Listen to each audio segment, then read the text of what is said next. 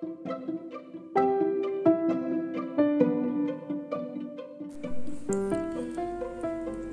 sampai jumpa kembali dengan saya Abi Andai Suara di Abi Andai Suara Podcast. Untuk kali ini kita di sesi untuk membahas law of attraction ya. Ini mengenai hukum tarik menarik ya. Dan hukum ini sangat menarik ya. Karena sebenarnya sering terjadi dalam kehidupan kita sebagai manusia. Uh, dan sebenarnya sudah banyak sekali tokoh yang mengeksplorasi ya, yang bisa memanfaatkan dan mengeksplorasi bagaimana law of attraction ini supaya bisa memberikan keberhasilan-keberhasilan kecil sampai keberhasilan-keberhasilan besar dalam kehidupan. Stay tune di Abi Andai Suara Podcast supaya lebih tahu jelasnya ya. Oke, okay, jadi law of attraction ini merupakan satu dari 12 jenis hukum alam semesta ya yang sudah banyak dikenal dan dibahas oleh berbagai tokoh dan ahli karena punya nilai manfaat yang luar biasa bagi kehidupan seseorang. Bagi Anda yang mungkin bertanya, apa sih atau apa saja sih hukum alam semesta yang tadi disebutkan di awal ya? Jadi saya coba sebutkan di sini contohnya adalah hukum kemanunggalan atau keesaan, hukum getaran, hukum tindakan, hukum penyesuaian, hukum sebab akibat, hukum kompensasi, hukum tarik-menarik atau law of attraction, hukum transmutasi energi, hukum relativitas, hukum polaritas, hukum irama, dan yang terakhir adalah hukum gen. Ya. Jadi rasanya aneh ya mendengar beberapa nama hukum yang tadi saya sebutkan karena saya yakin Anda mesti malah memikirkan hukum alam yang lain ya seperti hukum rimba, hukum rantai makanan mungkin atau hukum gravitasi, hukum magnet dan lain-lain. Tapi dari 12 jenis hukum yang tadi saya sebutkan tidak akan saya bahas dalam sesi ini ya. Uh, Karena saya akan lebih banyak membahas mengenai bagaimana law of attraction uh, Yang dikenal secara universal law sebagai hukum tarik-menarik ya atau ketertarikan. Uh, Karena nilai manfaatnya yang sangat positif yang bisa dieksplorasi uh, dalam kehidupan kita. Dan hukum ini berlaku dan benar-benar terjadi dalam kehidupan kita ya. Jadi secara nyata terjadi uh, tujuannya adalah supaya kita bisa uh, tahu dan mengerti bagaimana kita memanfaatkan energi ini ya untuk kebaikan kehidupan kita nanti. Jadi tadi tokoh-tokoh seperti yang sudah saya sebutkan bahwa tokoh-tokoh seperti Bob Proctor, Abraham Hicks, Dr. J. Dispenza, Rhonda Byrne, bahkan termasuk beberapa tokoh film Hollywood, artis dan penyanyi dari Amerika ya, seperti Will Smith, Ariana Grande, Shawn Mendes, Oprah Winfrey, dan masih banyak lagi sebenarnya. E, mereka bahkan sudah bukan lagi menggunakan sendiri tapi mereka sudah mengupas dan berbagi ya melalui berbagai media terus juga video uh, yang teman-teman bisa coba cari di YouTube ya. Uh, mereka bahas dan menyebutkan bahwa law of attraction itu seperti apa ya. Dan bagaimana mereka pengalamannya bagaimana mereka mengeksplorasinya dalam kehidupan mereka sendiri sampai mereka mendapatkan apa yang mereka inginkan jadi yang dimaksud dengan law of attraction ini sendiri ya sebenarnya hukum ini mengatur mengenai hal-hal yang terjadi dalam kehidupan kita, yang terjadi dalam realita ya. Itu sebenarnya akibat dari pikiran kita yang menarik. Atau lebih mudahnya hukum ini mengatur bagaimana pikiran kita ya, pikiran manusia menarik kejadian-kejadian terjadi dalam hidupnya. Dalam kajiannya hukum ini memuat pemahaman mengenai bagaimana pikiran dan tubuh manusia ini sebenarnya memiliki gelombang elektromagnetik yang sangat kuat ya. Yang gelombang ini sebenarnya bisa mempengaruhi alam semesta untuk mengirimkan kejadian-kejadian supaya terjadi dalam kehidupan manusia tadi. Ketika pikiran seseorang memvisualisasikan gambaran-gambaran berupa ketakutan, kegagalan, kecemasan ya, kebuntuan, keraguan dan itu terjadi secara berulang-ulang maka hal tersebut akan semakin memperkuat energi elektromagnetis yang akhirnya nanti secara otomatis dilepaskan ke alam semesta oleh tubuh, oleh pikiran. Dan oleh alam semesta energi tersebut nanti akan diproses. Apa pun yang telah dibayangkan, yang telah divisualisasikan, yang telah dipikirkan itu dianggap sebagai sesuatu yang diminta, diharapkan untuk terjadi. Ya. Tapi rasanya kalau kita sebagai umat beragama dan berpikir secara ketuhanan kok ke alam semesta sih? Bukannya Tuhan. ini ini terlihat sangat konyol tapi sebenarnya kita perlu perhatikan ya. Uh, terutama bagi anda yang beragama Islam silahkan cari informasi lebih dalam dan uh, lebih memahami mengenai salah satu hadis sahih dari Abu Hurairah ya. Di sini Rasulullah Shallallahu Alaihi Wasallam bersabda bahwa Allah berfirman, Aku atau Allah sesuai dengan prasangka hamba padaku. Jadi artinya prasangka ini sebenarnya merupakan satu jenis cara berpikir ya. Kalau saya tarik benang merahnya, jadi artinya dari hadis yang tadi saya sebutkan bahwa Allah berfirman, Allah itu sesuai dengan prasangka. Jadi apa yang kita prasangkakan maka hal itulah yang akan ditindak oleh Allah, oleh Tuhan. Alam semesta di sini artinya alam semesta tentu saja merupakan baru bisa bergerak karena perintah Tuhan. Jadi e, prosesnya adalah prasangka kita diterima, ya. Itu kalau kita berpikir secara perspektif agama, ya. Dan sayangnya prasangka itu ya rata-rata merupakan prasangka buruk ya. Ya, jadi Coba perhatikan di salah satu ayat suci Al-Quran ya Dalam surat Al-Hujurat ayat 12 Bahkan memberikan penegasan mengenai proses psikologis ini ya Jadi di ayat 12 surat Al-Hujurat tertulis bahwa Jauhilah olehmu sebagian besar dari prasangka Karena sesungguhnya sebagian besar dari prasangka adalah buruk ya atau dosa yang mana ini harusnya menjadi salah satu yang kita perlu perhatikan ya. jadi kenapa kita eh, perlu mengatur atau mungkin perlu memanage ya bagaimana kita berprasangka, bagaimana kita berpikir, bagaimana kita memvisualisasikan apa yang ada dalam pikiran kita. Yang saya maksud dengan visualisasi di sini adalah ketika kita muncul ketakutan ya, misalnya uh, saya punya motor, saya tidak punya SIM, lalu ketika saya harus pergi ke satu lokasi, kebetulan di lokasi ini cukup jauh dan saya dapat informasi bahwa di beberapa titik di tempat yang saya tuju atau lokasi yang saya tuju sering terjadi operasi polisi ya uh, operasi pemeriksaan license atau SIM ya. Maka saya akan mulai muncul akan mulai berprasangka bahwa aduh nanti jangan-jangan ketangkep nih. Aduh nanti jangan-jangan ada operasi nih. Aduh nanti jangan-jangan saya bakal kena bayar sekian puluh ribu atau ratus ribu nih. Atau mungkin saya harus ikut sidang nih. Aduh aduh aduh dan seterusnya dari kecemasan, mulai muncul ketakutan, mulai muncul keraguan, lalu nanti akan muncul gambaran-gambaran. Ketika saya berprasangka, ini yang saya sebut dengan visualisasi tadi. Dan semakin kuat visualisasi, maka akan semakin kuat gelombang elektromagnetis. Ketika semakin kuat gelombang elektromagnetis dan bah gelombang tersebut terlepas ke alam semesta, maka alam semesta akan memprosesnya. Karena alam semesta menganggap bahwa ini adalah sesuatu yang saya inginkan Nah, jadi itu saja untuk di sesi awal mengenai bagaimana kita mengenal law of attraction ya. Pada sesi berikutnya nanti akan saya lebih jelaskan mengenai contoh-contoh lain dan juga bagaimana sih cara menerapkan dan mengeksplorasi law of attraction supaya bisa membantu kehidupan kita untuk mencapai keberhasilan-keberhasilan mulai dari yang kecil sampai ke kesuksesan-kesuksesan yang lebih besar. Terima kasih.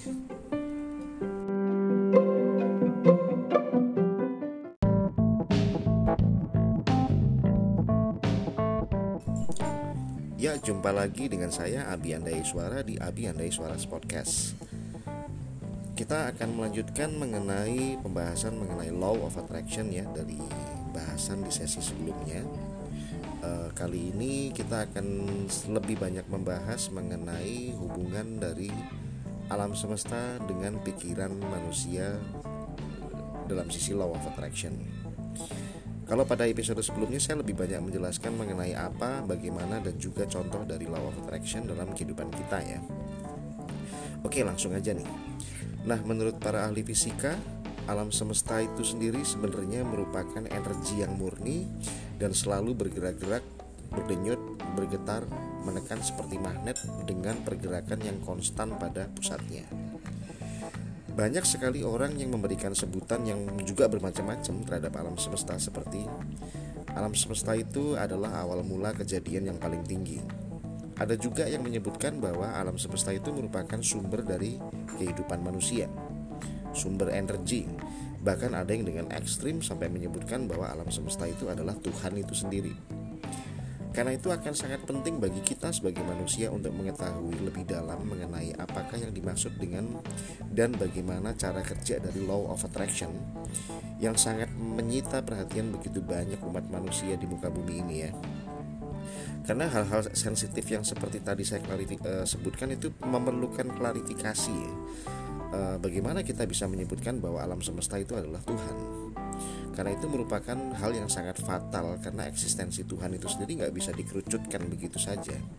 Dan sebenarnya saya sendiri juga tidak bisa menyangkal dan juga tidak memiliki cukup ilmu untuk menjabarkan eksistensi Tuhan dari kacamata ilmu apa pun. Saya hanya bertujuan untuk menyampaikan podcast ini dan kita akan mempelajari mengenai bagaimana law of attraction itu sendiri ya. Jadi kita akan coba memperdalamnya dari uh, sesi ini ya mengenai hubungan antara alam semesta dan juga pikiran kita sebagai manusia. Jadi alam semesta dan kekuatannya merupakan sumber dari segala keberadaan yang berproses di dalamnya. Artinya alam semesta ini mengandung keinginan-keinginan dari setiap manusia ya termasuk keinginan kita dan menanti kita untuk mengaktifkannya di mana keinginan itu akan tercipta, menarik, meminta kita untuk melakukan tindakan dan menjadi apa pun yang kita inginkan. Sederhananya, kita hanya perlu menyesuaikan diri terhadap keinginan-keinginan yang kita miliki melalui law of attraction tadi. Secara fungsi, pikiran manusia sebenarnya dibagi menjadi pikiran sadar, yaitu conscious mind, dan juga pikiran bawah sadar, subconscious mind akan sangat mudah bagi Anda misalnya sudah pernah mengetahui mengenai dua jenis pikiran ini ya. Jadi pertama adalah pikiran sadar. Pikiran sadar itu sendiri artinya di mana kita sebagai manusia secara sadar mengerjakan atau melakukan semua tindakan yang dikerjakan oleh otot-otot dan tubuh. Apa pun kegiatan yang dikerjakan adalah sepenuhnya dilakukan atas kesadaran pikiran dan dikontrol penuh oleh pikiran. Contoh dari kegiatan-kegiatan yang dilakukan dalam kondisi sadar adalah seperti makan, berolahraga, bermain, berdiskusi atau berdebat, bekerja bahkan bercinta ya. Dan masih banyak hal yang lainnya. Ada juga beberapa contoh kegiatan fisik dari otot dan badan yang sebenarnya juga melibatkan kontrol pikiran bawah sadar pada akhirnya. Seperti mengendari kendaraan bermotor, mengoperasikan mesin, menggunakan handphone atau komputer dan seterusnya. Hal-hal tersebut di atas secara tidak mungkin dilakukan dengan kondisi di luar kesadaran penuh karena sejarang sekali menemukan orang bisa naik motor dalam keadaan tidur atau makan dalam keadaan tidur atau sedang telepon dalam keadaan tidur itu sangat nggak mungkin ya. Sedangkan kalau pikiran bawah sadar atau subconscious mind ya merupakan kondisi yang di, uh, mana hal-hal yang sifatnya otomatis dalam tubuh kita ya yang bekerja secara otomatis. Contohnya nih eh, kegiatan otot tubuh yang dilakukan secara bawah sadar sangat banyak ya. Termasuk menjalankan kegiatan yang tadi saya sampaikan bahwa kondisi sadar dilakukan lalu kondisi bawah sadarnya juga ikut campur. Contohnya eh, segala sesuatu pada saat awal dilakukan selalu membutuhkan trial, selalu membutuhkan percobaan. Seperti kita punya sepeda motor baru dan kita belum tahu caranya naik motor pasti di awal-awal kita baru belajar naik motor dan kita akan mencoba menghafalkan uh, langkah-langkahnya ya. Dari langkah satu mungkin kita menghidupkan uh, kunci motornya lalu kita harus uh, melakukan apa melakukan apa step by stepnya itu ada. Dan setiap kali kita mau melakukan itu kita akan ulangi langkah-langkah tersebut. Sampai kita benar-benar dalam kondisi hafal mastery Nah, pada saat kondisi tersebut artinya pikiran bawah sadar kita sudah merekam semua kejadian yang dilakukan secara sadar tadi.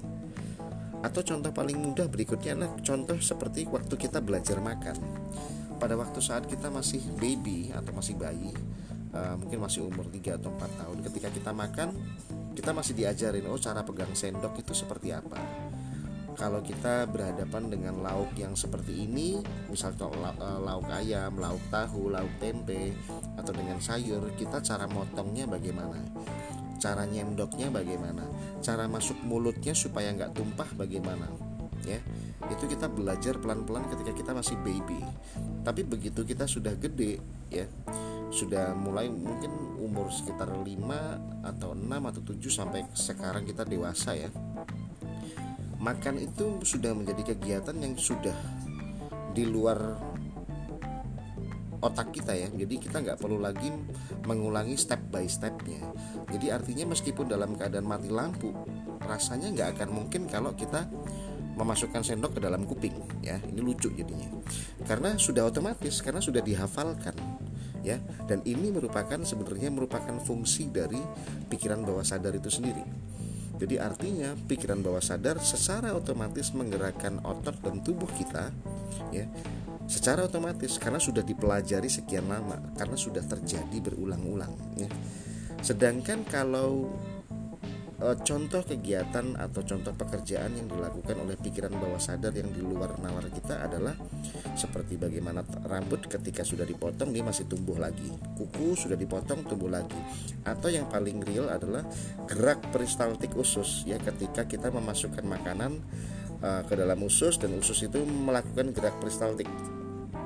Atau degup jantung ya ketika jantung berdenyut itu merupakan salah satu contoh dari uh, fungsi dari pikiran bawah sadar. Yang di mana kegiatan di dalam tubuh kita melakukan kegiatan tanpa kesadaran kita. Jadi berjalan secara otomatis.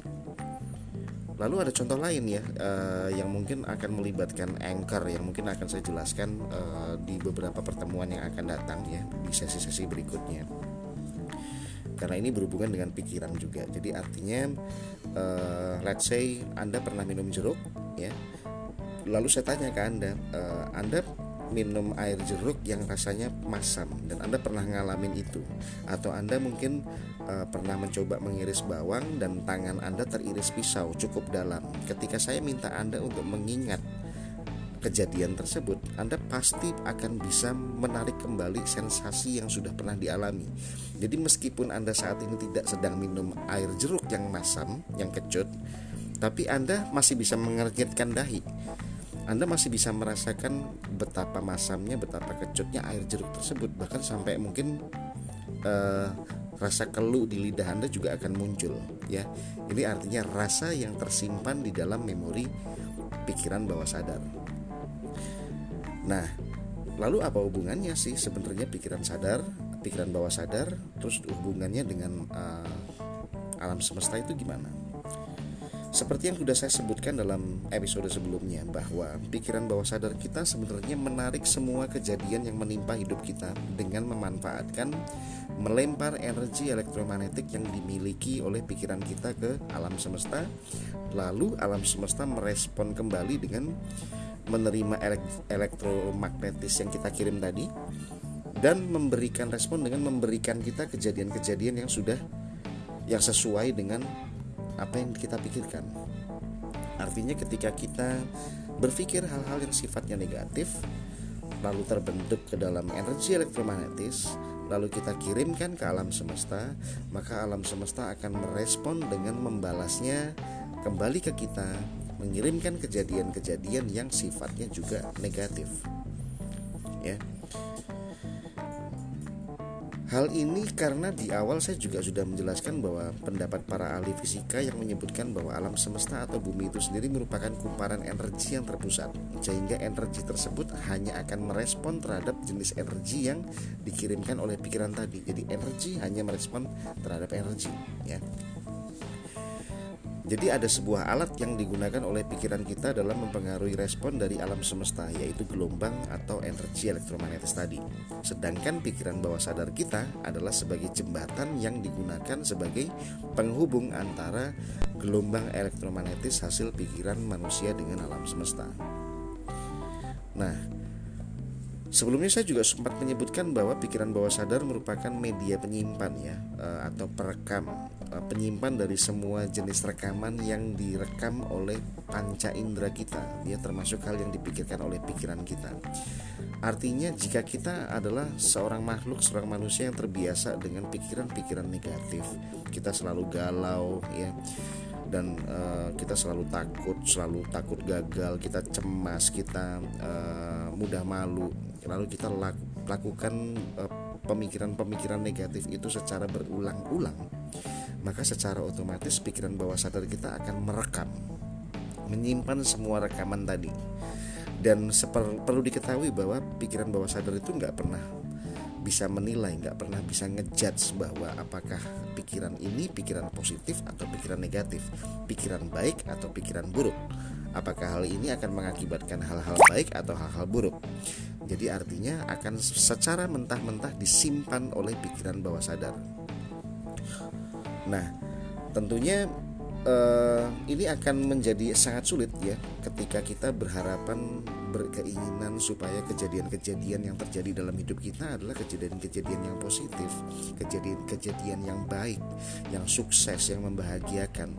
Tapi kitanya sendiri terbiasa berpikir negatif. Contoh nih, misalnya Anda termasuk orang yang suka takut dengan kegagalan. Lalu bos Anda datang kepada Anda meminta Anda untuk memegang sebuah proyek yang nilainya ratusan juta bahkan miliaran. Sedangkan Anda pernah gagal memegang dua kali proyek sebelumnya. Dan itu membuat Anda merasa gampang jatuh, kepikiran, was-was, eh, malu, ya, cemas semua perasaan tersebut akan tersimpan di dalam pikiran bawah sadar Anda. Ketika Anda tidak merubahnya, maka akan terus selamanya tersimpan. Setiap rekaman itu akan tersimpan dalam pikiran bawah sadar Anda sampai pada saat Anda menjalankan proyek tersebut. Anda akan menjalankan proyek tersebut dalam keadaan tidak enjoy, penuh dengan perasaan takut, penuh dengan perasaan cemas, gelisah serta tidak percaya diri. Anda akan sangat penuh dengan keraguan. Sementara alam semesta tidak akan peduli dengan dan melihat apakah Anda ini akan mengirimkan sesuatu yang sifatnya baik atau buruk. Dan dia juga tidak akan memperdulikan mengenai apa yang akan dikirimkan kepada Anda. Jadi artinya Anda sudah harus melakukan perubahan anda mau tidak mau harus memulai untuk mengubah pola-pola pikir negatif tadi agar menjadi pola-pola pikir positif yang mendukung apa yang Anda ingin dapatkan. Sedangkan untuk mengubah pola-pola yang sudah terlanjur terbentuk oleh pengalaman di masa lampau sebenarnya nggak mudah karena sudah berkali-kali, sudah terbiasa, sudah jadi kebiasaan dan sudah terpatri. Artinya diperlukan sebuah cara khusus nantinya untuk bisa mengubah hal tersebut. Seperti contoh memberikan input-input positif yang berulang dan kontinu kepada pikiran sadar dan pikiran bawah sadar yang nantinya akan saya coba kupas di sesi berikut-berikutnya. Stay tune di Abi Andaya Suara Podcast. Thank you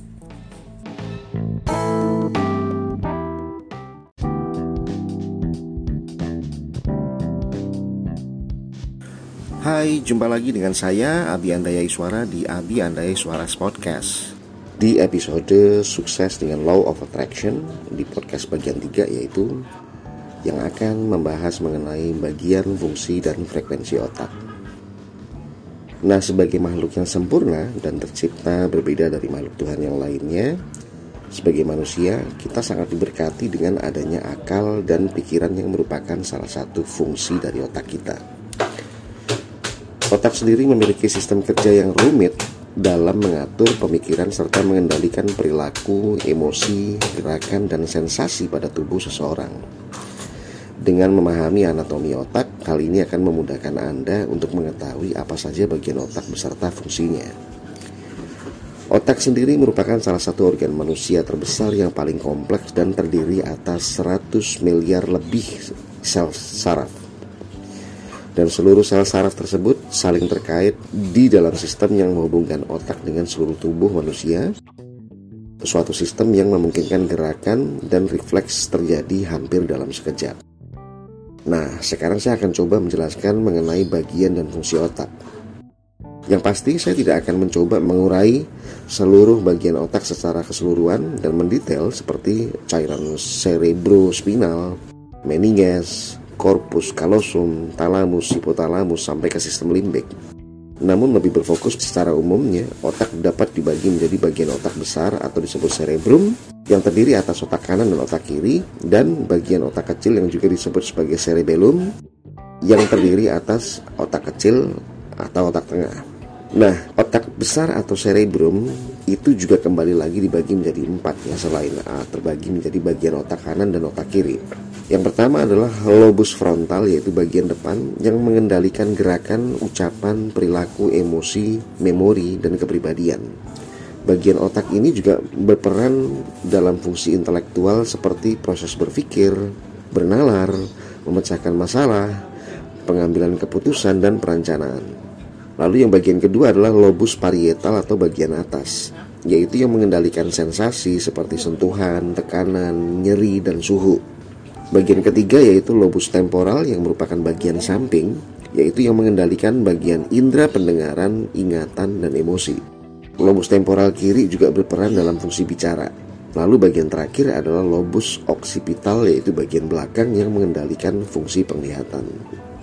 Nah, sekarang kita akan coba kerucutkan pada bagian otak kanan dan kiri lalu saya akan coba bahas fungsinya secara umum. Kita mulai dari otak kiri. Otak kiri dianggap lebih baik untuk mengerjakan tugas-tugas yang melibatkan logika, bahasa, dan pemikiran analitis.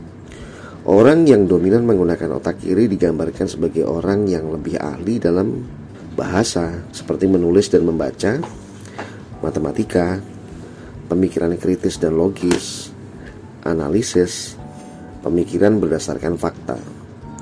Lalu kita pindah ke otak kanan. Otak kanan dinilai lebih baik untuk mengerjakan hal-hal yang berkaitan dengan kreativiti. Orang yang dominan menggunakan otak kanan digambarkan akan lebih mahir dalam hal-hal yang berhubungan dengan kesenian, musik, visual atau gambar, pemikiran berdasarkan intuisi, isyarat nonverbal, dan imajinasi. Nah, menarik bukan? Bahwa ternyata otak dan fungsinya ini sangat luar biasa. Sebuah hadiah yang ternyata luar biasa. Sekarang saya akan mencoba menjelaskan bagaimana sih sebenarnya otak bekerja sehingga bisa menjalankan semua fungsi yang tadi saya sebutkan. Termasuk mengurus detak jantung, gerak peristaltik, serta sistem metabolisme atau pencernaan tubuh lainnya yang ada di dalam tubuh kita. Nah, gelombang otak adalah pola aktivitas listrik yang terjadi di dalam otak itu sendiri. Dan elemen ini memiliki peran penting dalam fungsi otak, termasuk mengatur emosi, pikiran, perilaku, dan seterusnya.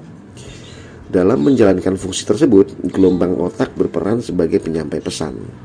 Dia atau gelombang otak tadi menjadi media bagi miliaran sel saraf yang ada pada otak yaitu neuron ya untuk berkomunikasi. Dengan komunikasi ini otak manusia dapat menjalankan fungsinya sebagai sistem saraf pusat. Nah, sesuai dengan yang dilansir dari Go Therapy, pada gelombang atau pola gelombang otak dapat berubah sesuai tingkat kesadaran dan proses kognitif seseorang. Nah, as an example nih ya, ketika seseorang merasa lelah atau sedang melamun, gelombang otak yang lebih lambat cenderung dominan. Sementara saat sedang mempelajari sesuatu, pola gelombang otak yang cepat akan berada di atas. Meski demikian, pola-pola yang berbeda ini perlu berjalan secara seimbang. Gelombang otak yang tidak seimbang bisa menjadi tanda masalah kesehatan tertentu, termasuk penyakit saraf dan gangguan mental. Nah, pada tahap inilah sebenarnya terapi gelombang otak dapat berperan. Jenis terapi ini dapat membantu menciptakan frekuensi tertentu untuk memperbaiki pola gelombang atau aktivitas listrik yang tidak seimbang pada otak. Sebenarnya, terapi gelombang otak atau binaural beat therapy atau disebut BBT ya, adalah teknik pengobatan menggunakan gelombang suara. Bentuk terapi ini memainkan dua frekuensi suara yang berbeda pada setiap telinga dengan tujuan untuk membentuk satu frekuensi suara baru. Cara kerja ini memanfaatkan kecenderungan telinga untuk menerima frekuensi suara yang berbeda, tapi otak menganggap ini sebagai suatu suara. Adapun hal ini dianggap dapat memfasilitasi perubahan pada gelombang otak seseorang. Nah, langsung aja ya kita coba berkenalan dengan jenis gelombang otak manusia yang kita miliki ya yang mungkin baru Anda sadari selama ini bahwa ternyata oh ada ya jenis gelombang seperti ini di dalam otak kita. Nah, secara umum saya coba jabarkan di sini terdapat lima jenis gelombang otak sesuai dengan frekuensinya yang dapat diukur menggunakan sebuah alat yang disebut dengan elektroencephalografi atau EEG ya. Masing-masing gelombang otak memiliki karakteristik serta menggambarkan kondisi mental, aktivitas, serta pikiran yang berbeda. Gelombang yang pertama disebut dengan gamma frekuensi, yaitu sebuah kondisi di mana otak bekerja pada frekuensi yang sangat tinggi yaitu antara 40 sampai 100 Hz ya. Hal ini dapat ditemukan pada kondisi mental transendental yang terjadi pada biksu Buddha ya yang sedang bermeditasi dan melakukan sebuah percakapan batin atau sedang melakukan perjalanan spiritual dalam keadaan sadar total. Nah, pengalaman ini disebut sebagai sebuah pengalaman di luar batas dan ajaib. Berikutnya adalah beta frekuensi. Berkisar di antara 12 sampai 40 Hz ya.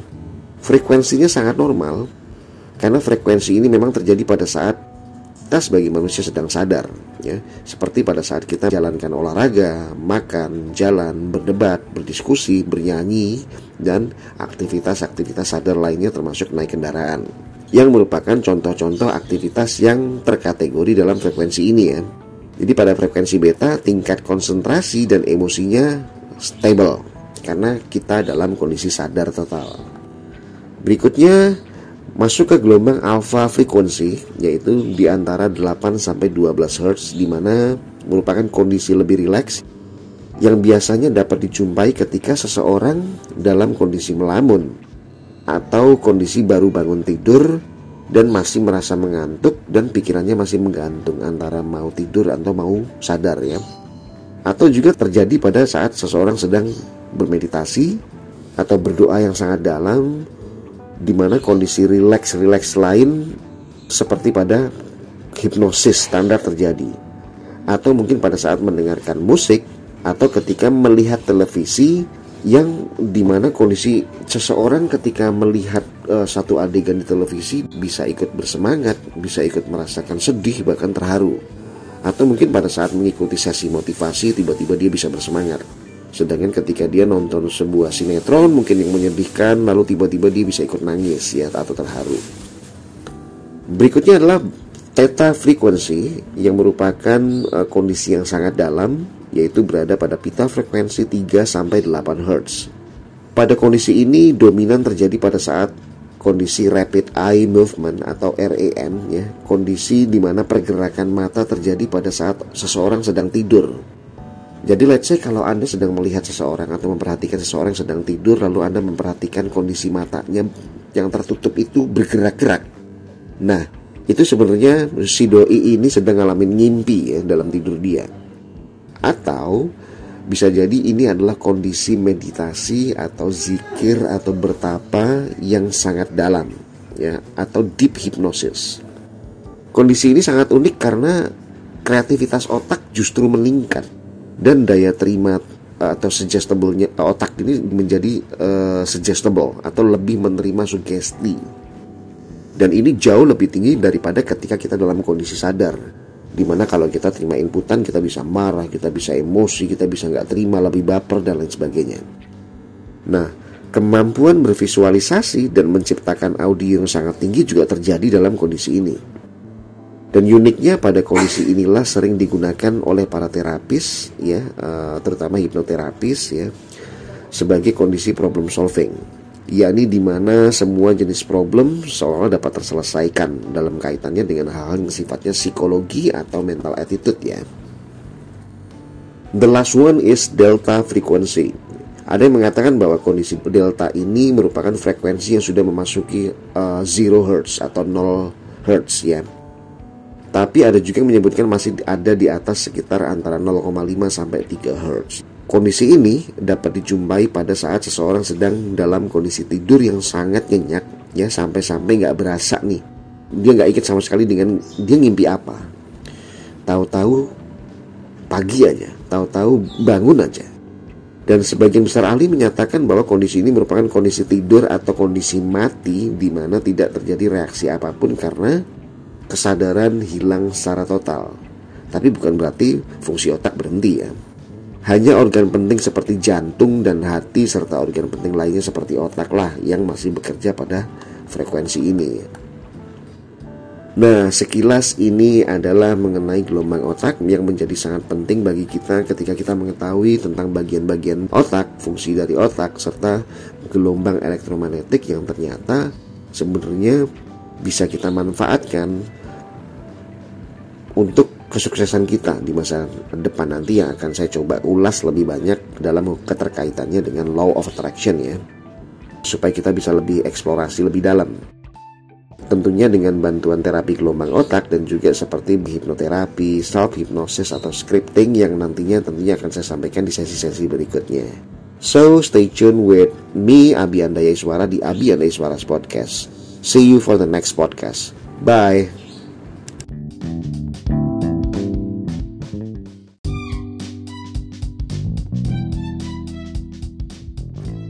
Jumpa lagi dengan saya Abi Andai Suara di Abi Andai Suara Podcast. Di episode kali ini kita akan melanjutkan pembahasan mengenai sukses dengan Law of Attraction. Dan kita masuk ke sesi podcast keempat yaitu visualisasi kreatif. Nah, di podcast sesi ketiga kita udah membahas mengenai bagian fungsi dan frekuensi otak. Dan kali ini kita akan bahas visualisasi yang sebenarnya nyambung banget dengan fungsi dan frekuensi otak. Apa sih sebenarnya kesinambungannya dan seberapa penting sih visualisasi dan bagaimana visualisasi ini bisa mempengaruhi law of attraction dalam menarik kejadian-kejadian baik dalam kehidupan kita. Stay tune with Abi Andai Suara Podcast sampai akhir ya. Kalau kita bicara mengenai visualisasi kreatif, sebenarnya visualisasi kreatif adalah jenis latihan mindfulness.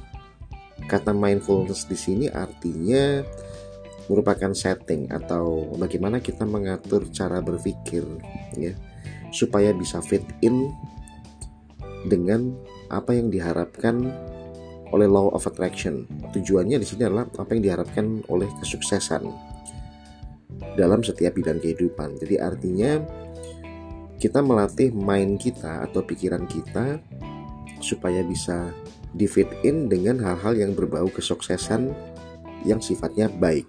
Jadi bukan menarik kejadian-kejadian seperti kegagalan, kejadian-kejadian seperti pembatalan, kejadian-kejadian seperti yang menghancurkan atau melemahkan. Nah, visualisasi sendiri adalah proses menyatukan citra atau gambaran mental yang terlihat atau terlukiskan di dalam pikiran Anda dari kejadian atau apa pun yang ingin Anda wujudkan. Karena ini merupakan proses penyatuan citra, jadi artinya citra ini bukan cuma mengenai unsur visual saja, tapi di mana begitu nanti bayangan atau imajinasi atau gambaran begitu nyata muncul nanti secara otomatis akan attach ya. Seolah-olah terpatri gambaran tersebut sudah jadi satu package dengan emosi. Jadi ini merupakan sesuatu yang menarik seperti ketika Anda membayangkan seorang gadis dan gadis ini adalah gadis yang Anda cintai yang ingin Anda tembak yang ingin Anda miliki, secara otomatis yang muncul adalah rasa perasaan kebahagiaan, rasa-rasa cinta yang luar biasa seperti itu ya. Nah, dalam istilah yang lebih sederhana, sebenarnya visualisasi kreatif ini merupakan sebuah wadah ya bagi kita untuk berlatih membentuk gambaran dari apa yang kita inginkan dan sekaligus kita nanti juga akan melakukan proses pendalaman emosi atau perasaan yang akan muncul karena automatic attack apabila proses regenerasi atau penyatuan citra tadi berhasil. Tujuan dari uh, kenapa sih kita harus ada pelatihan visualisasi kreatif? Tujuannya adalah supaya kita lebih kreatif dalam menciptakan gambaran-gambaran yang sesuai dengan apa yang kita tuju. Jadi goalsnya adalah untuk menciptakan kebaikan-kebaikan, keberhasilan-keberhasilan, hal-hal yang sifatnya adalah menyenangkan, hal-hal yang sifatnya adalah membahagiakan. Dan tujuannya adalah tidak lain supaya kita terbantu untuk bisa memasukkan tujuan-tujuan tadi ke alam semesta. Dan kita juga merasa termotivasi untuk melakukan itu. Untuk melakukan visualisasi tadi. Karena apa yang kita visualisasikan ini sebenarnya adalah sesuatu yang kita suka. Visualisasi kreatif ini sebenarnya hampir-hampir mirip ya dengan papan visi impian atau lebih dikenal dengan vision board. Jadi one times kalau kalian pernah berkunjung ke suatu rumah teman lah atau mungkin one of your big boss atau gimana ya terus lalu kalian melihat uh, mungkin di ruang kerja mereka ya uh, atau di kamar mereka itu terdapat satu papan yang isinya itu seperti papan pengumuman ya tapi terdapat gambar-gambar entah itu rumah, entah itu gedung, entah itu mobil ya, apa pun itu whatever it is ya. Uh, papan visi impian atau vision board ini sebenarnya bertujuan untuk melatih mata supaya terbiasa melihat, melatih pikiran supaya terbiasa terset otomatis setelah mata melihat gambar atau produk apa pun yang ditempelkan, maka secara otomatis akan memudahkan untuk tersimpan ke dalam pikiran bawah sadar. Jadi, melalui pikiran sadarnya memang sengaja dibentuk. Jika Anda mengingat atau melihat atau bertemu dengan sesuatu yang berkali-kali, maka secara otomatis sepertinya Anda akan lebih mudah untuk menyimpannya ke dalam pikiran bawah sadar. Hal ini sebenarnya juga dilakukan di sisi marketing ya. Kalau kita bahas kenapa sih iklan itu dilakukan berulang kali dalam satu hari di televisi ya atau mungkin di YouTube ya kalau kita lagi sedang asik-asiknya menonton video atau film ya tiba-tiba biasanya akan di set ya dalam 5 menit kita nonton secara otomatis terputus ya akan disambungkan dengan iklan. Dan iklannya itu biasanya sama. Satu karena memang kita sudah ditargetkan. Yang kedua adalah karena supaya kita terbiasa melihat. Kalau kita sudah terbiasa melihat kalau mata kita sudah terbiasa merekam otak kita sudah terbiasa mengikuti apa yang direkam oleh mata, maka secara otomatis pikiran sadar nanti akan membantu untuk menyimpannya ke dalam pikiran bawah sadar. Dan kenapa sih harus tersimpan ke dalam pikiran bawah sadar? Secara otomatis kalau segala sesuatu sudah tersimpan ke dalam pikiran bawah sadar ya, seperti saya sudah pernah sebutkan di sesi sebelumnya. Silakan coba perhatikan bagaimana ketika iklan-iklan tersebut sudah masuk tersimpan ke dalam pikiran bawah sadar semua orang yang ada di Indonesia. Let's say bagaimana kita menyaksikan orang-orang menyatakan Pepsodent, Pampers, dan juga Aqua. Jadi ketika uh, sebut aja karena ada alasan kenapa seseorang ketika dia mau beli satu botol minuman mineral, dia akan menyebutkan satu botol aqua dong atau ketika dia mau beli popok bayi uh, uh, saya akan membeli pampers. Jadi yang mereka sebutkan itu adalah rata-rata brand atau merek dari sebuah produk. Karena produk tersebut diiklankan secara berulang-ulang mata kita melihat secara terus-menerus telinga kita mendengarkan secara terus-menerus akhirnya direkam oleh otak sadar kita masuk ke dalam pikiran bawah sadar kita dan ketika sudah masuk ke dalam pikiran bawah sadar kita, maka kita akan mengenal automated system yang secara otomatis sifatnya adalah mengenalkan atau mengenali. Jadi let's say ketika kita ingin beli satu botol minuman mineral air putih ya air bening maka kita mengenalnya dengan aqua atau ketika kita bilang eh, kita pengen beli sebuah pasta gigi maka kita akan menyebutkannya odol atau Pepsodent ya. Ini juga menyebutkan brand. Jadi artinya kenapa alasan uh, para marketing ya menggunakan teknik ini berulang-ulang ya dipajang di mana-mana. Jadi bukan cuma melalui televisi aja, bukan melalui radio aja, tapi juga kenapa mereka sampai berani jor-joran mengeluarkan dana yang begitu besar untuk tampil berkali-kali. Bahkan gedung-gedung di sekeliling kita, poster, ya kan baliho dan lain sebagainya. Tujuannya adalah untuk memudahkan produk mereka itu masuk ke dalam pikiran bawah sadar kita supaya kita secara otomatis menyebutkan brand mereka. Nah, dengan apa yang sudah saya coba jelaskan tadi, seharusnya kita mulai sedikit lebih memahami mengenai bagaimana sih pikiran bawah sadar itu bekerja ya. Dan sebenarnya ini sudah saya sampaikan pada sesi podcast sebelumnya. Jadi kenapa alasan kita menggunakan papan visualisasi ya, eh, visualization board atau visual board. Tujuannya adalah supaya mata kita merekam semua gambar yang menjadi target kita yang menjadi impian ya yang menjadi sesuatu yang diinginkan untuk terjadi. Dengan melihatnya berulang-ulang kali ya ibarat itu diletakkan di kantor atau di kamar. Begitu kita memasuki ruangan maka secara otomatis kita akan melihat. Secara otomatis akan terekam dan masuk ke dalam pikiran bawah sadar. Karena pikiran sadar ini juga merupakan sebuah jembatan yang digunakan untuk berhubungan dengan atau mengirimkan gelombang elektromagnetik kepada alam semesta. Jadi sebenarnya jembatan penghubung antara apa yang kita inginkan dan juga alam semesta. Sementara alam semesta di sini merupakan satu sistem yang sudah diciptakan oleh Tuhan yang mana sistem ini akan merespon ketika mereka atau alam semesta ini menerima gelombang-gelombang elektromagnetik pikiran ya yang dilakukan berulang-ulang. Jadi misalnya let's say gini. Kita memiliki sebuah papan visi, lalu kita lihat di situ ada sebuah mobil, mobil sedan warna putih. Sehari sekali ya.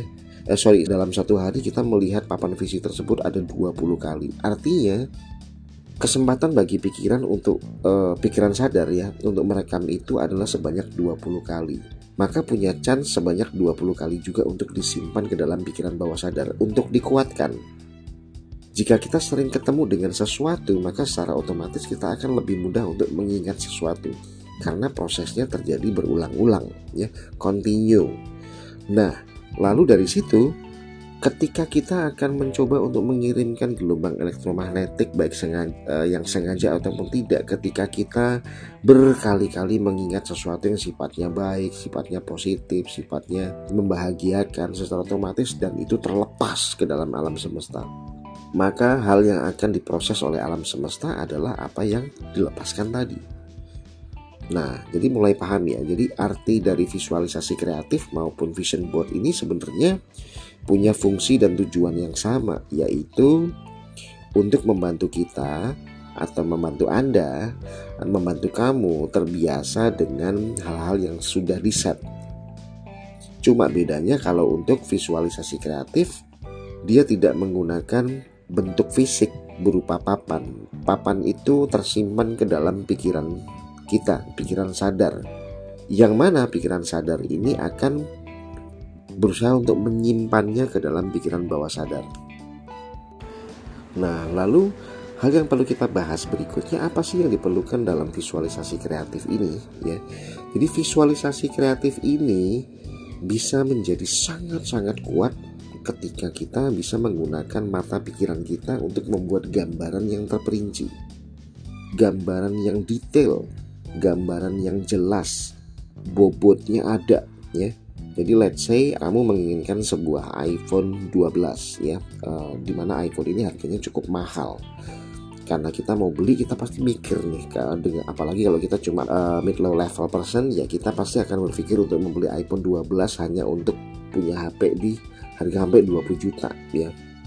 Nah lalu kita uh, meminjam handphone teman kita. Ya iPhone 12 kita pegang kita coba pakai-pakai ya kita uh, pencet tombolnya kita gunakan kameranya kita dengar soundnya.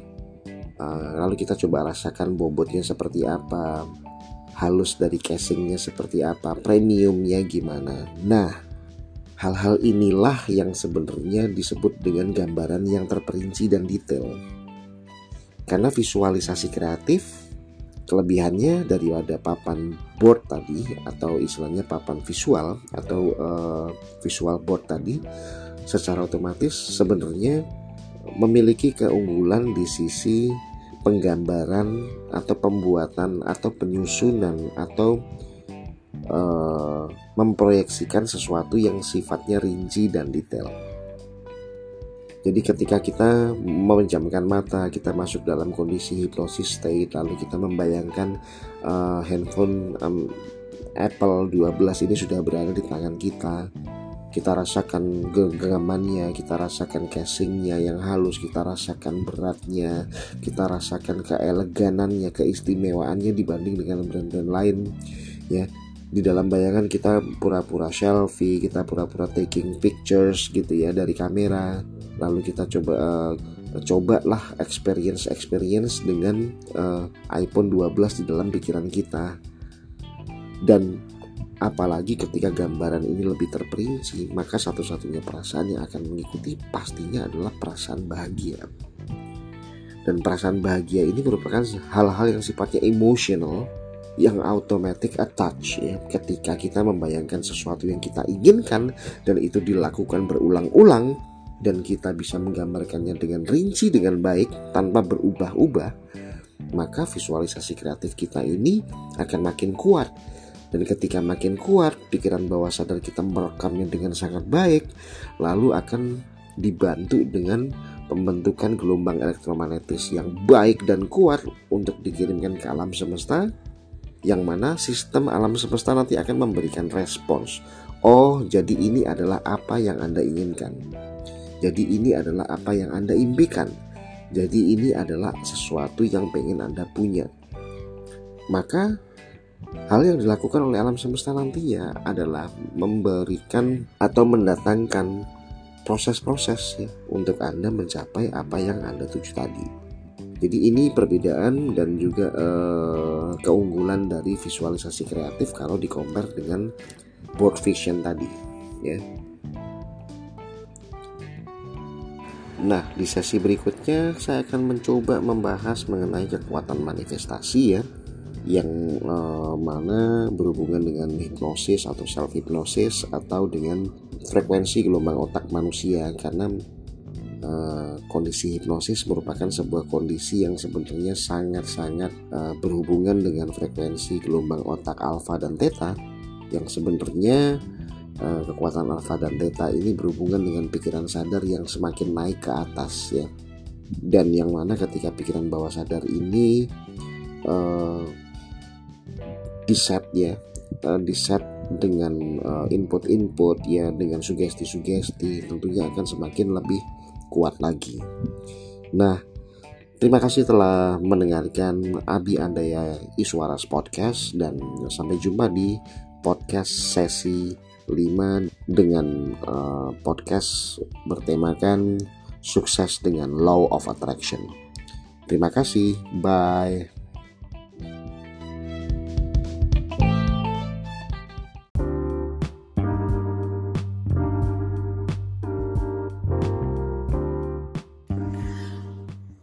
Oke, okay, welcome back with me with, with Abi Andaya Suara di Abi Andaya Suara Podcast.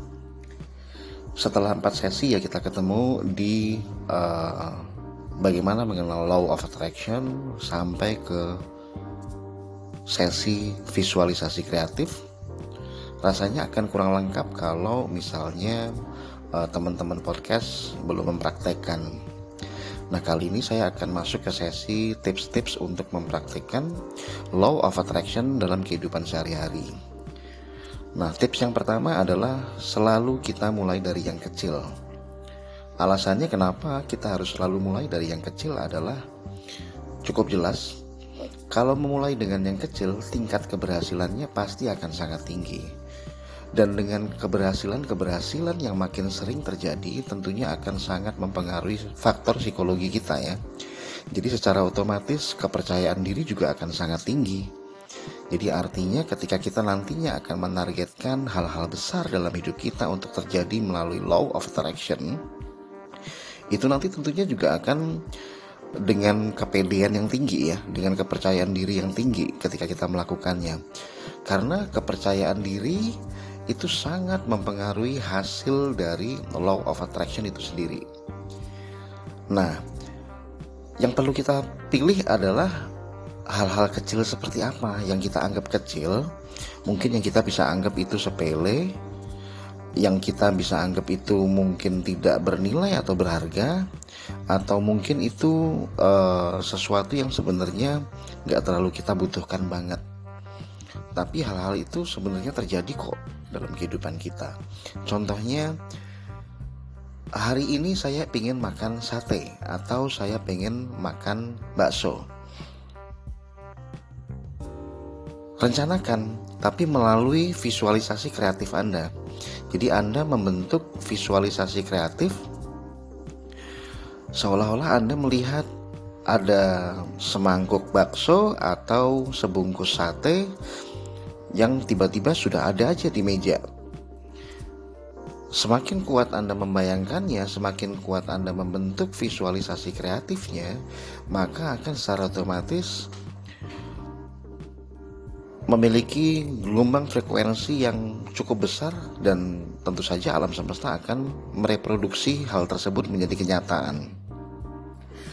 Contoh lainnya mungkin eh, tidak harus hari ini ya. Jadi kalau kita bicara masalah skala waktu ya, uh, mungkin kita bisa sebut periodenya dalam waktu satu minggu. Jadi dalam minggu ini, misalnya contoh lainnya adalah saya pengen makan tapi sama teman lama saya yang udah lama nggak ketemu.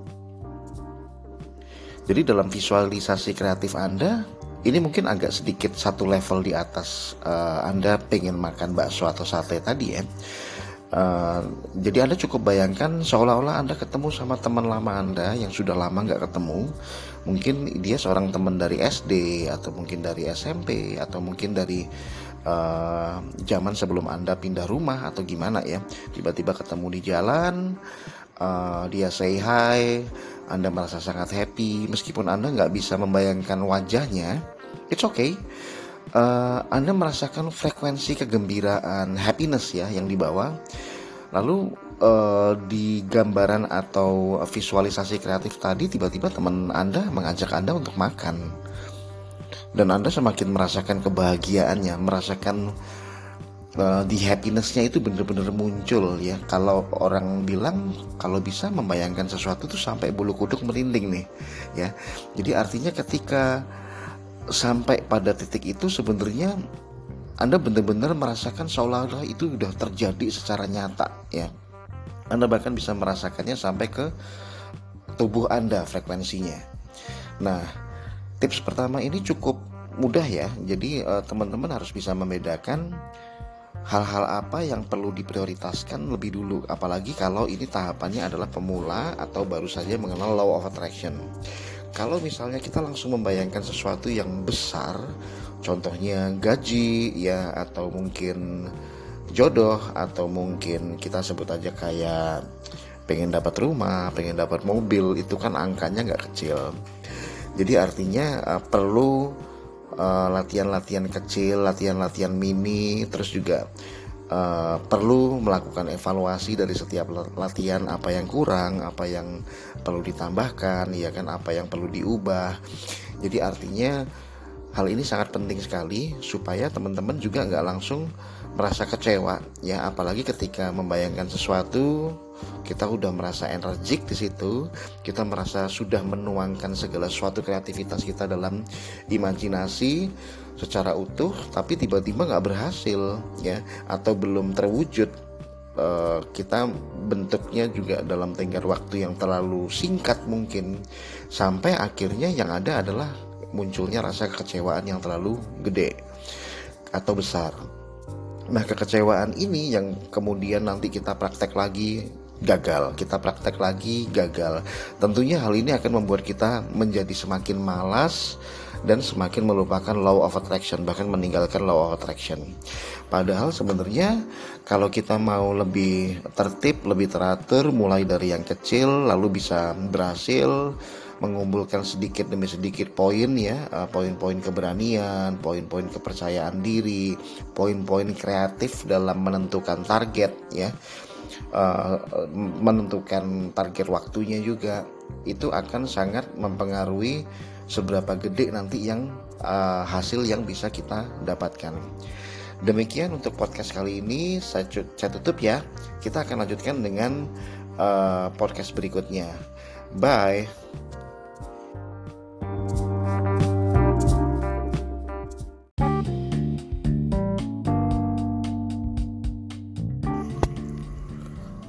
Hai, jumpa lagi dengan saya Abi Andaya Suara di Abi Andaya Suara Podcast. Nah, tips kedua ya, setelah tips pertama belum lama kita udah upload ya. Uh, sekarang kita masuk ke tips kedua yaitu kita akan membahas mengenai konsistensi dan komitmen. Karena sebenarnya kenapa sih konsistensi dan komitmen?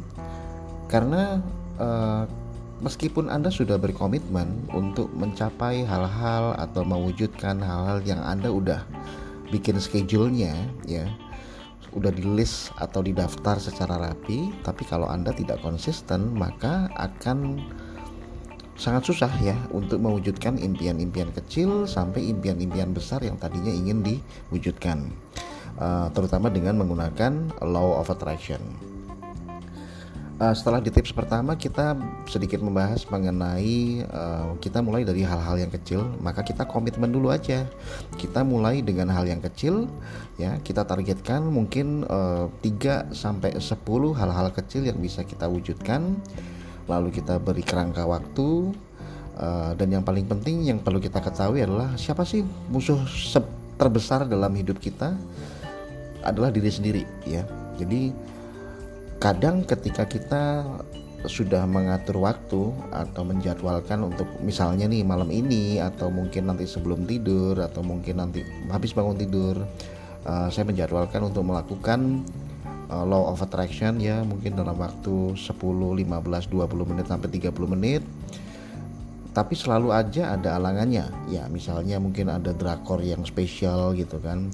Ada teman yang berkunjung atau tiba-tiba kita uh, lagi asik kerjain sesuatu baca novel dan lain sebagainya terus akhirnya kita justru uh, menjadi nggak komit dan nggak konsisten dalam menjalankan apa yang sebenarnya udah kita bentuk ya. Jadi berdisiplinlah dengan diri sendiri apa yang sudah anda komit ya apa yang sudah uh, anda bentuk untuk diri sendiri anda harus konsisten dengan menjalankannya sesuai dengan schedule-nya, sesuai dengan targetnya, jangan berubah-ubah ya. Jadi seolah-olah setelah kita bermimpi pengen jadi gubernur, terus kita mengubah mimpi pengen jadi pemilik bisnis, terus kita mengubah mimpi lagi menjadi uh, mungkin pemilik rental atau mungkin kita merubah lagi, merubah lagi, merubah lagi. Nah, hal konsistensi ini juga berpengaruh ya. Jadi uh, jangan serta merta kita dapat dengan mudah mengubah apa yang sudah kita targetkan ya. Jadi selain konsistensi di waktu kita juga perlu memperhatikan konsistensi di target atau tujuan. Jadi begitu kita sudah menargetkan sesuatu dan sudah menjalankan itu tetap selalu jalankan prosesnya sampai itu berhasil ya. Jadi jangan terburu-buru untuk langsung membatalkan atau merasa gagal. Karena selalu lakukan evaluasi diri kenapa uh, belum terwujud? Kenapa belum terjadi? Uh, kenapa apakah memang tidak ada tanda-tanda dari alam semesta bahwa impian itu udah makin dekat atau gimana? Ya jadi lakukan cross checking juga. Jadi atau mungkin karena dalam hati kecil anda membayangkan sesuatu yang bikin Anda juga ketika menjalankannya nggak sedang dalam proses bahagia. Jadi artinya itu juga akan mempengaruhi frekuensi dari law of attraction yang Anda kerjakan. Jadi artinya ketika contoh nih uh, Anda membayangkan pengen makan bakso, tapi Anda sebenarnya nggak terlalu suka dengan bakso, lebih prefer untuk makan sate Artinya Anda akan membayangkan atau membentuk imajinasi imajinasi kreatif yang atas sesuatu yang Anda nggak suka atas sesuatu yang Anda sebenarnya nggak terlalu prefer ke situ. Jadi uh, akan sangat penting ya untuk bisa komit konses ya dengan apa yang sudah dibentuk dan ditargetkan. Lalu kita jalankan prosesnya, jangan terburu-buru, Eh, lalu kita nikmatin prosesnya dan sampai pada hal itu bisa terwujud. Stay tune with Abi Andai Suara Podcast. Kita akan lanjut ke next episode ya. Sampai jumpa.